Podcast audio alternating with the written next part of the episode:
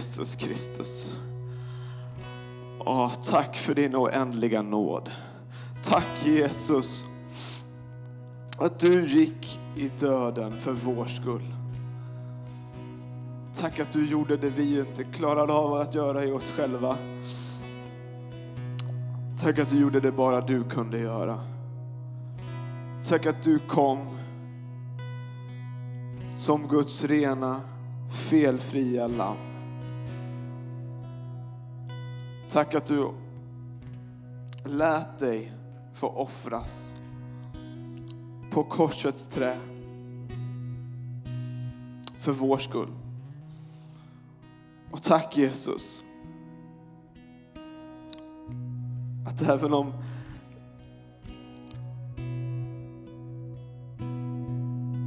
du bar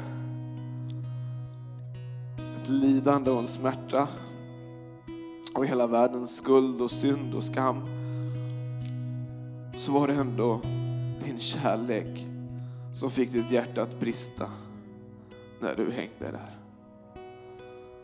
Och Jesus, hur kan vi annat än älska dig tillbaka? Du som gick i döden för oss. Jesus, vi älskar dig. Vi tackar dig att vi den här kvällen får vara samlade i ditt namn och att du verkligen är mitt ibland oss.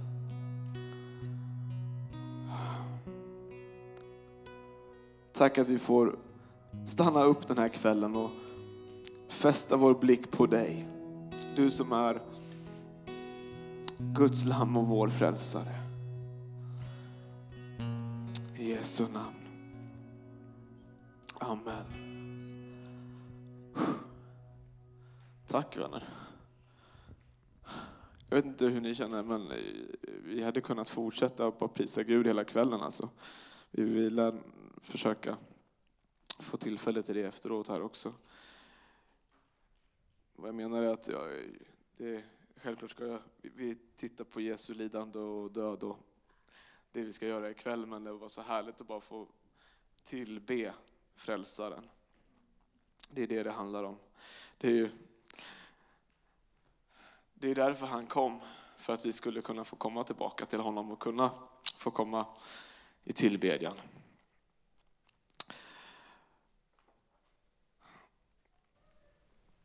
Ja, om du Judit tyckte det var lite någon slags bävan att vara med och leda det här mötet så kan jag erkänna att jag har ju aldrig hållit en långfredagspredikan förut, men det ska nog gå bra. Vi har, och hoppas ni står ut med min, min liksom bild här av, av en långfredagsgudstjänst blir ju lite att vi ändå har en, i alla fall en del lite längre textläsningspartier för att eh, ja, men, se helheten så att säga. Den utlovade titeln här för kvällens tema är ju i alla fall Korset, historiens vändpunkt. Och det, det får väl säga att funkar bra som någon slags titel. Um, för det är ändå det det handlar om. Sen så kommer väl jag ha någon slags liten infallsvinkel att se Guds lamm här också. Så ni kommer väl få leva med att det är två spår. Eh, nej men för ända från början av Jesu liv och tjänst så är det ju precis det som Johannes döparen utropar när Jesus kommer gående, inte bara en utan två gånger, och säger han Se Guds lamm som tar bort världens synd. Och när han säger det, då, har, då är vi liksom tre år innan långfredagen. Långfredagen som för övrigt jag tycker att att det engelska namnet är mycket bättre på den här dagen. Långfredag låter så otroligt långtråkigt på något vis. Men på engelska så heter det the good friday, den goda fredagen. Det är den bästa fredagen i hela världen för det är på den här fredagen som Jesus en gång för alla knäcker dödens makt.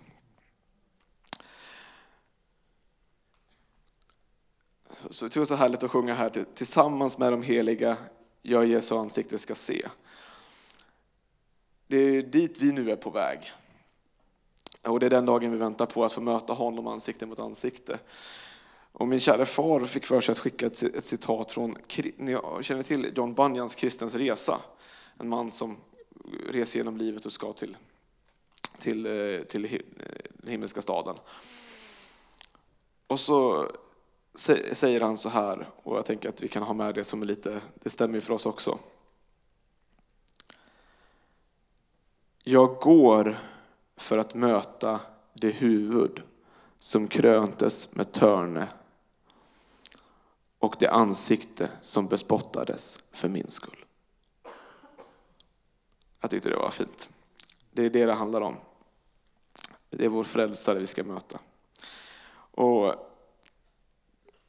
det finns även en kort dikt som, eller vers från en dikt som jag också tycker vi kan ha med oss. Det står så här, eh, som säger så här att det intet finns som inte vinns av kärleken som lider. Jesus är ju verkligen kärleken personifierad. Om du läser kärlekens lov så är det verkligen, hela den beskrivningen är ju Jesus. Så han är kärleken och han lider. Och det märks ju allra tydligast idag. Jesus ryggade inte tillbaka för lidande och död, ångest och mörker. Han gav sitt liv. Han, säger, han identifierar sig själv som den gode herden och säger att den gode herden ger sitt liv för fåren. Och den som är lejd, han överger fåren när han ser vargen komma. Men jag känner mina får och mina får känner mig. Och jag ger mitt liv för fåren. Och Fadern älskar mig därför att jag ger mitt liv för att sedan ta det tillbaka. Ingen tar det ifrån mig utan jag ger det av fri vilja. Jag har makt att ge det och jag har makt att ta tillbaka det. Det budet har jag fått av min far. Sen det här med någon slags vändpunkt. Det är, att korset är historiens vändpunkt blir också en, en, en ganska stor paradox i sig. För att utåt sett så är ju det här en stor tragedi. Jesus, jag har levt mig in i lärjungarnas sits här idag. Liksom, och han har ju sagt till dem, jag ska gå upp till Jerusalem, jag ska dö, men jag kommer uppstå. Men de har liksom ändå det har gått in där och gått ut där och de har liksom tänkt att vi väntar på befriaren som ska befria oss från den romerska ockupationen. Eh, han är kungen. Nu kan, och jag, jag vet inte om jag ska bli inrikesminister eller finansminister i hans regering, men det är det vi siktar på grabbar. Det är ungefär eh, det, de tankarna de har märker man ju av, när, om ni var med på gudstjänsten i söndags med lärjungarna som ville få sitta bredvid Jesus i, i hans rike och sådär. Liksom det, det, liksom den världsbilden de går omkring med. Så att det här med att Jesus ska lida och dö, det är liksom inte riktigt omgreppat. Så sen när han väl gör det, då fattar du ju ingenting. Och precis som, apropå den gode herden, så står det att jag ska slå herden och fåren ska skingras. När väl Jesus är gripen och tagen så alla bara flyr, sticker och, för sina liv. Så mycket eh, mod hade de. Så om du någon gång har känt dig lite klen så är du i ett gott sällskap. Men det är ju verkligen en paradox för att det är genom Jesu död som det, fin- som det, som det kommer liv. Och det är i hans sår det finns läkedom. Och det är i hans, hans utgjutna blod som det finns förlåtelse och rening från synd. Men den här smärtan, och lidande och döden är en förutsättning för uppståndelselivet. Och Jesus säger ju själv så här i Johannes 12. Jag säger er sanningen, om vetekornet inte faller i jorden och dör, förblir ett ensamt korn. Men om det dör bär det rik frukt. Det är en sån paradox på något vis. Men det här är själva kärnan tror jag, i just att det, blir en, att det är historiens vändpunkt. Sen är Jesus väldigt ärlig och han, han låtsas ju inte hålla upp någon mask av att ah, jag har allt under kontroll. Utan han säger så här sen lite senare, jag läste två, två verser från Johannes 12, vers 24 och sen 27. Säger Jesus så här, nu är min själ i ångest. Vad ska jag säga? Far, fräls mig från denna stund. Nej, det är för denna stund jag har kommit. Så från början, se Guds lam. Jag har kommit för denna stund. Jesus är så medveten.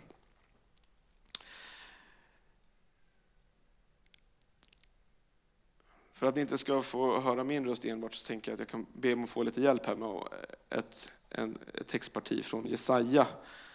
Amanda skulle vilja kunna komma och hjälpa mig här. Så är det ett av de lite längre styckena vi läser.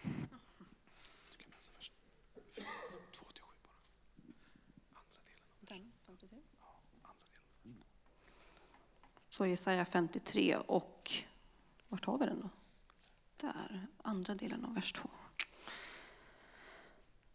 Han hade varken skönhet eller majestät när vi såg honom.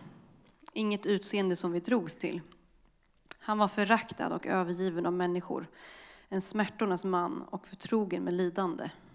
Han var som en som man skyler ansiktet för, så föraktad att vi inte respekterade honom. Men det var våra sjukdomar han bar, våra smärtor tog han på sig, medan vi såg honom som hemsökt, slagen av Gud och pinad. Han blev genomborrad för våra brott, slagen för våra synder. Straffet blev lagt på honom för att vi skulle få frid, och genom hans sår är vi helade. Vi gick alla vilse som får, var och en gick sin egen väg, men all vår skuld la Herren på honom. Han blev misshandlad, men han ödmjukade sig och öppnade inte sin mun. Som ett lamm som förs bort för att slaktas, som ett får som är tyst inför de som klipper det. Så öppnade han inte sin mun. Tack.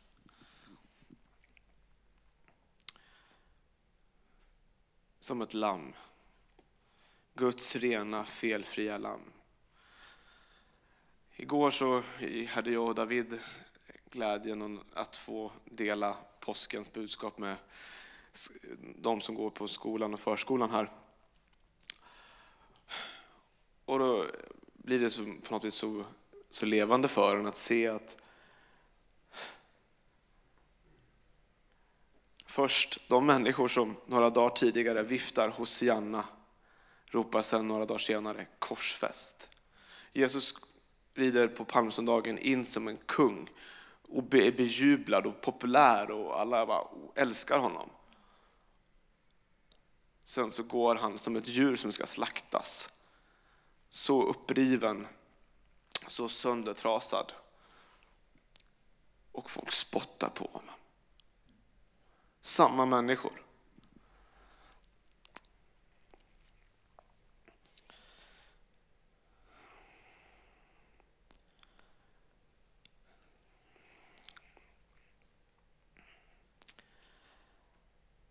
Men nu ska jag tänkte jag ta och läsa ett lite längre stycke från Johannes 19. Så om du har en bibel och vill följa med kan du slå upp kapitel 19 och vers 17.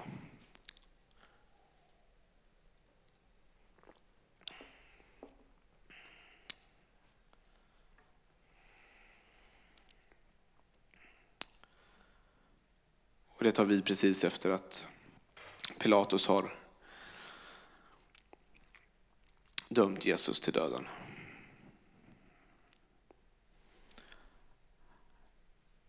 De tog med sig Jesus och han bar själv sitt kors och kom ut till det som kallas dödskalleplatsen på hebreiska Golgata. Där korsfäste de honom och tillsammans med honom två andra, en på var sida med Jesus i mitten. Pilatus lät också skriva ett anslag som sattes upp på korset. Där stod skrivet Jesus från Nasaret, judarnas kung. Anslaget läses av många judar eftersom platsen där Jesus blev korsfäst låg nära staden och texten var skriven på hebreiska, latin och grekiska.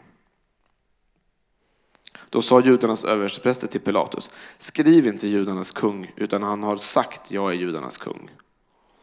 Pilatus svarade, det jag har skrivit har jag skrivit. När soldaterna hade korsfäst Jesus tog de hans kläder och delade upp dem i fyra delar, en för varje soldat. Men livkläderna var utan sömmar, vävd i ett enda stycke uppifrån och ner. Därför sa de till varandra, Vi skär inte sönder den utan kastar lott om vem som ska få den. Skriften skulle nämligen uppfyllas. De delade mina kläder mellan sig och kastade lott om min klädnad. Så gjorde nu soldaterna. Vid Jesu kors stod hans mor och hennes syster Maria som var Klopas hustru och Maria Magdalena. När Jesus såg sin mor och bredvid henne den lärjunge som han älskade sa han till sin mor Kvinna, där är din son. Sedan sa han till lärjungen Där är din mor. Från den stunden tog lärjungen henne, hem henne till sig. Jesus visste att allt nu var fullbordat och han sa sedan för att skriften skulle uppfyllas Jag törstar. Där stod en kruka full med ättikvin och de satte en svamp full med ättikvin runt en isopsskälk och förde den till hans mun. När Jesus hade fått ättikvinet sa han Det är fullbordat. Och han böjde ner huvudet och överlämnade sin ande.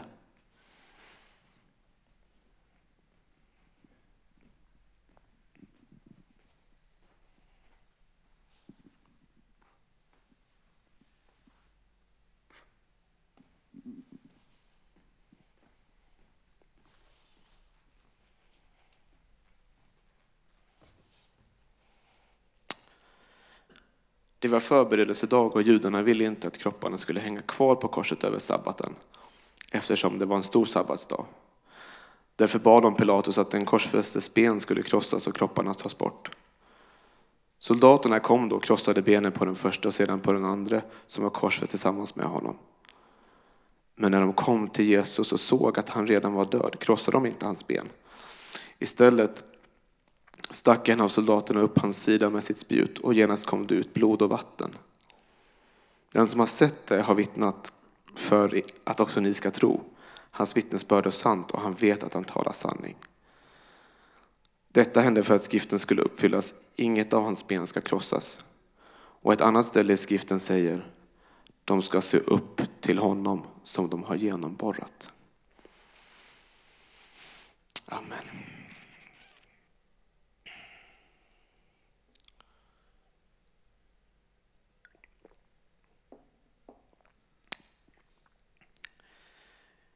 Jesus säger ju själv att när jag blir upphöjd ska jag dra alla människor till mig. Och inte tror jag att någon förstod att det var på det här sättet han menade. Vi är alla skyldiga till att Jesus blev genomborrad.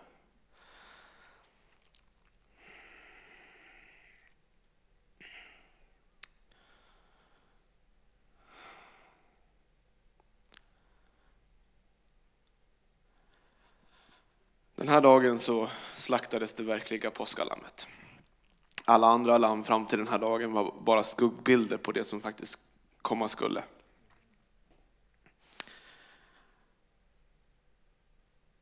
Och nu utgjuts det blod som inte bara övertäcker synd utan utplånar all synd och besegrar ondskan en gång för alla.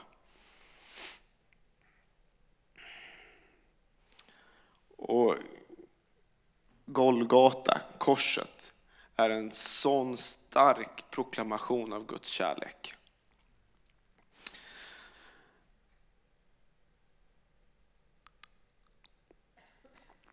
Genom detta påskalams offerdöd så försonas allas våra synder. Och du och jag kan få en ny start. Skriften säger att han är försoningen för våra synder, men inte bara för våra utan också för hela världens. Det står även att i honom är vi friköpta genom hans blod och har förlåtelse för våra synder.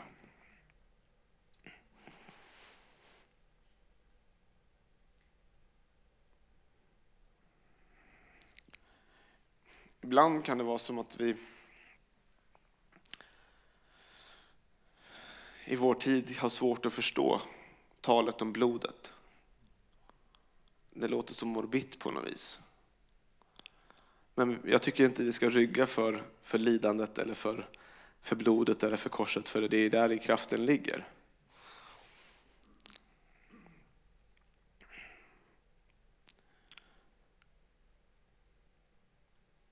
Det är som Amanda läste, han var någon man inte ville titta på. Det liksom var på den nivån när Jesus hängde på korset. Och när vi tittar på Jesus, på, för, liksom, som Paulus beskriver att jag målade upp Kristus för er och honom som korsfäst. Så, och när vi då för våra ögon försöker föreställa oss hur, hur den korsfäste Kristus var, så tror jag att någonting i oss kanske bara vill, så här, vill skynda förbi. Kom igen, det finns en uppståndelse, det vet vi. Men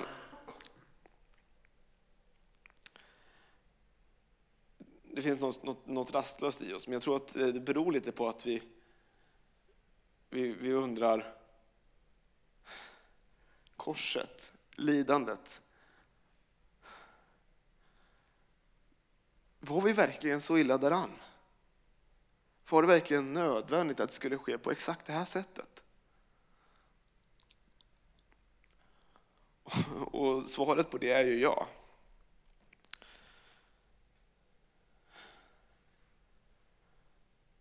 Och Jesus han visste att det var nödvändigt och han var lydig ända in till döden på korset. Hela vägen. Han utstod hån och bespottning, ångest, smärta. Överallt på sin kropp och i sin själ.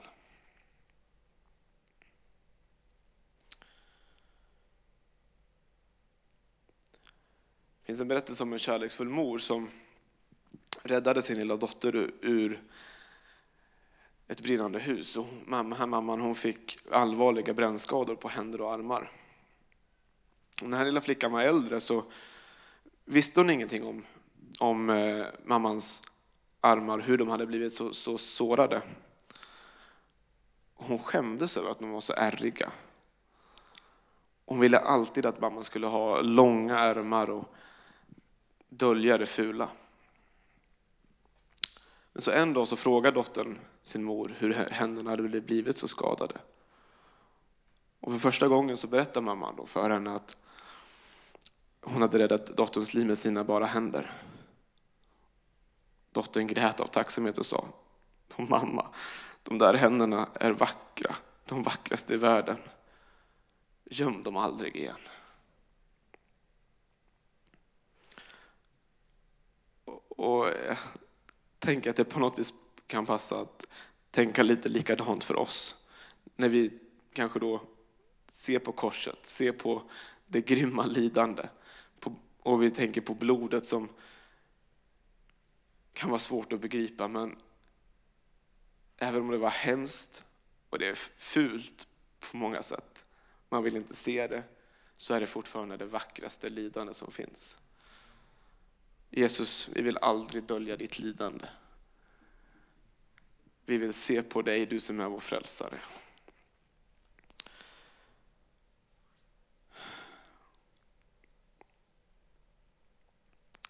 För Jesu korsmärkta händer, för oss som har fått frälsning genom honom, så är de vackra. Oerhört vackra.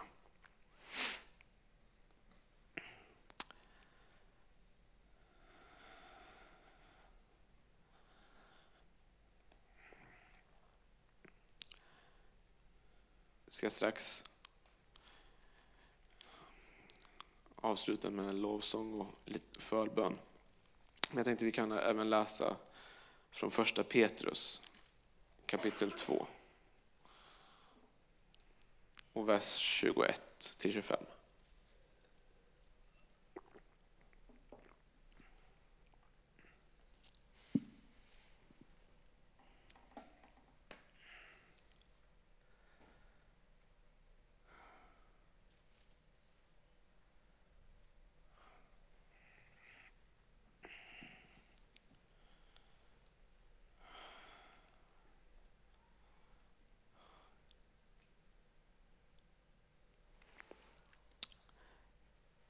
Kristus led i ert ställe och efterlämnade ett exempel åt er för att ni ska följa i hans fotspår.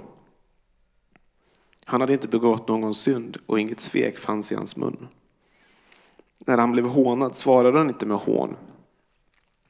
När han fick lida svarade han inte med hot utan överlämnade sin sak åt honom som dömer rättvist. Han bar våra synder i sin kropp upp på korsets trä för att vi skulle dö bort från synderna och leva för rättfärdigheten. Genom hans sår är ni helade. Ni var som vilsna får, men nu har ni vänt om till era själars herde och vårdare.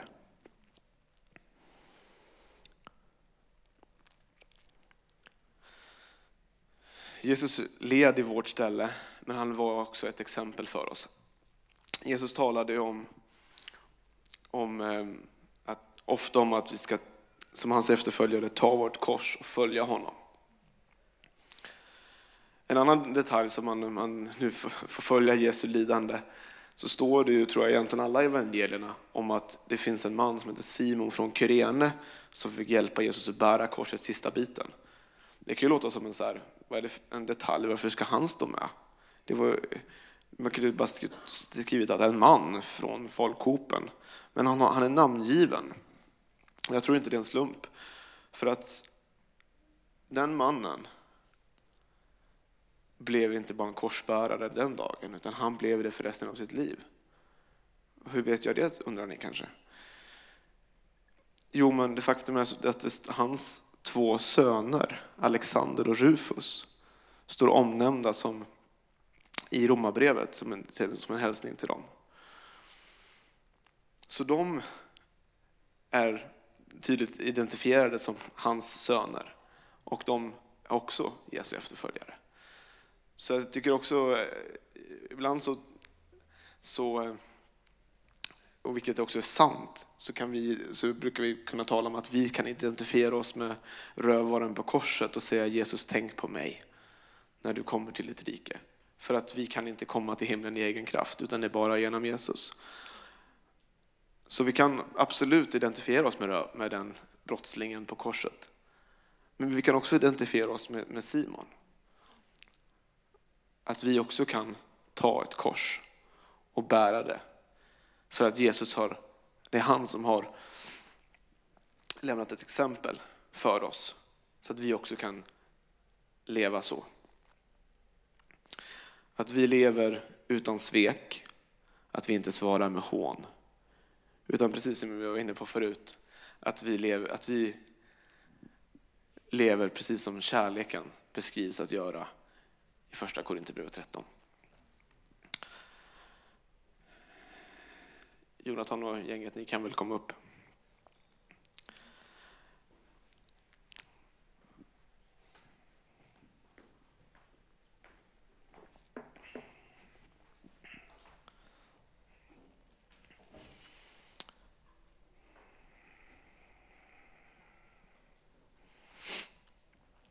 På korset så blev vår frälsare förvandlad till förbannelse. Och han som själv är i Guds gestalt blev för vår skull gjord till synd. Han som aldrig hade syndat blev gjord till synd. Plus blev minus.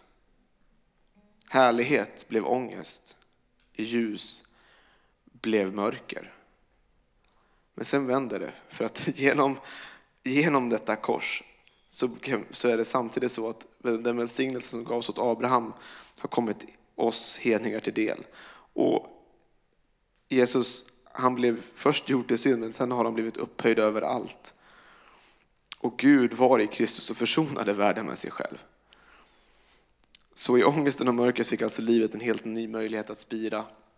Vetekornet, när det dog, så fick det ge liv.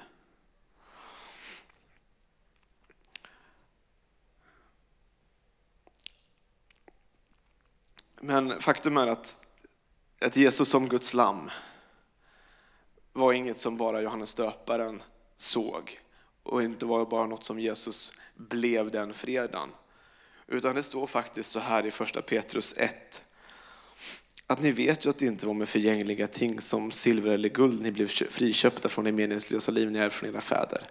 Nej, det var med Kristi dyrbara blod, som med blodet av ett lamm utan fel och brist.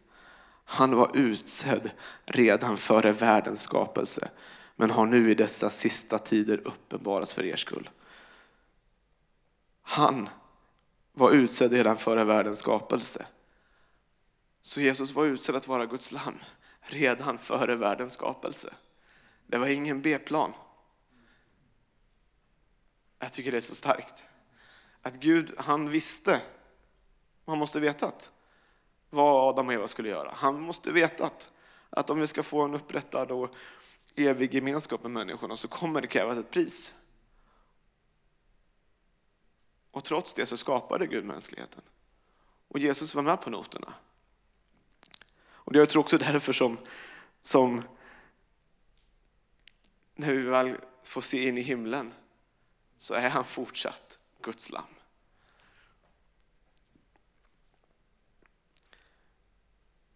Det står i Uppenbarelseboken 7, Lammet mitt på tronen ska vara deras herde. Han ska leda dem till livets vattenkällor och Gud ska torka alla tårar från deras ögon. Och sen så står det även i kapitel 5, då, då, det stå, då så står det om att vem är värdig att bryta sigillet? Och så står det att det fanns ett lamm som såg ut att ha blivit slaktat. Och då så sjunger de så här. Du är värdig att ta bokrullen och bryta dess sigill, för du har blivit slaktad och med ditt blod har du friköpt människor åt Gud av alla stammar och språk och, och länder och folk. Och de sa med stark röst, lammet som blev slaktat är värdigt att ta emot makten, rikedomen, visheten, kraften, äran, härligheten och lovsången. Så jag tänkte vi kan avsluta med att vi ställer oss upp tillsammans. Och så tänker jag att det mest givna är att vi ansluter oss till den tillbedjan, till den lovsången.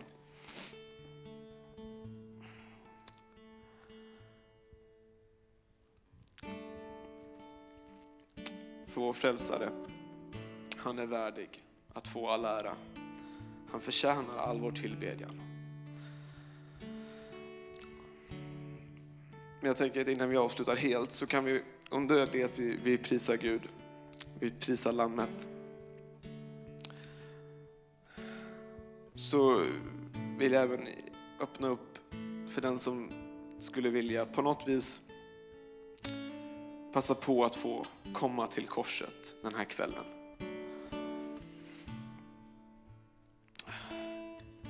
Vi har alla gått vilse som får, vi har alla gått vår egen väg. Men han som är vår frälsare, han är vår själs herde och vårdare.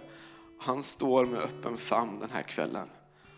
Så behöver du, inser du, åh, jag är inte där, utan jag behöver få komma till korset. För att kunna lyfta min blick och verkligen tillbe med frimodigt hjärta. Så ska du få tillfälle till det eller om du bara känner dig bara vilsen så står frälsaren och väntar. Eller om du är i behov av läkedom så finns det läkedom i Kristi sår. Både till kropp och själ. Så det är en ganska bred inbjudan. Det finns förebedjare här framme. Jag tänker innan vi avslutar helt så bara tycker det känns naturligt att en kväll som den här göra den inbjudan så tar och ber en bön tillsammans och så tar vi prisa Gud och så kan ni känna er fria att få komma fram en stund för, för förbön under det att vi tillber. Jesus Kristus. Vi tackar dig, vi tackar dig, vi tackar dig. Ja, vi tackar dig Jesus. För att du gav ditt liv för att du blev slaktad.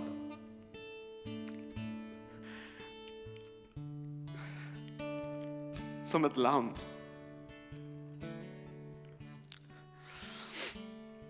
Tack att du tog det straff som vi skulle fått.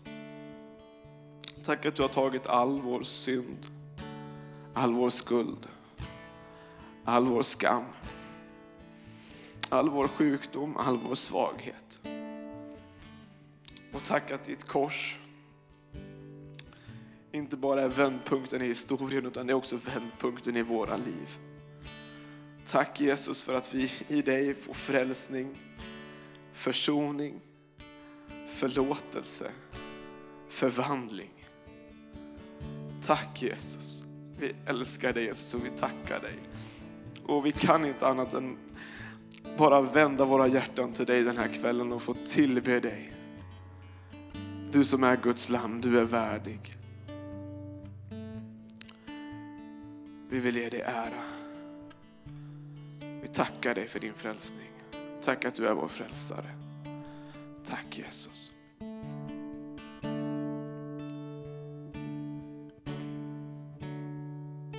Jesus, du förtjänar allt. Jesus, du förtjänar allt. För du har skapat allt och allt blev skapat för att du ska få all ära. Jesus, du förtjänar allt. Jesus, du förtjänar allt. För när du har skapat allt och allt blev skapat för att du ska få all ära.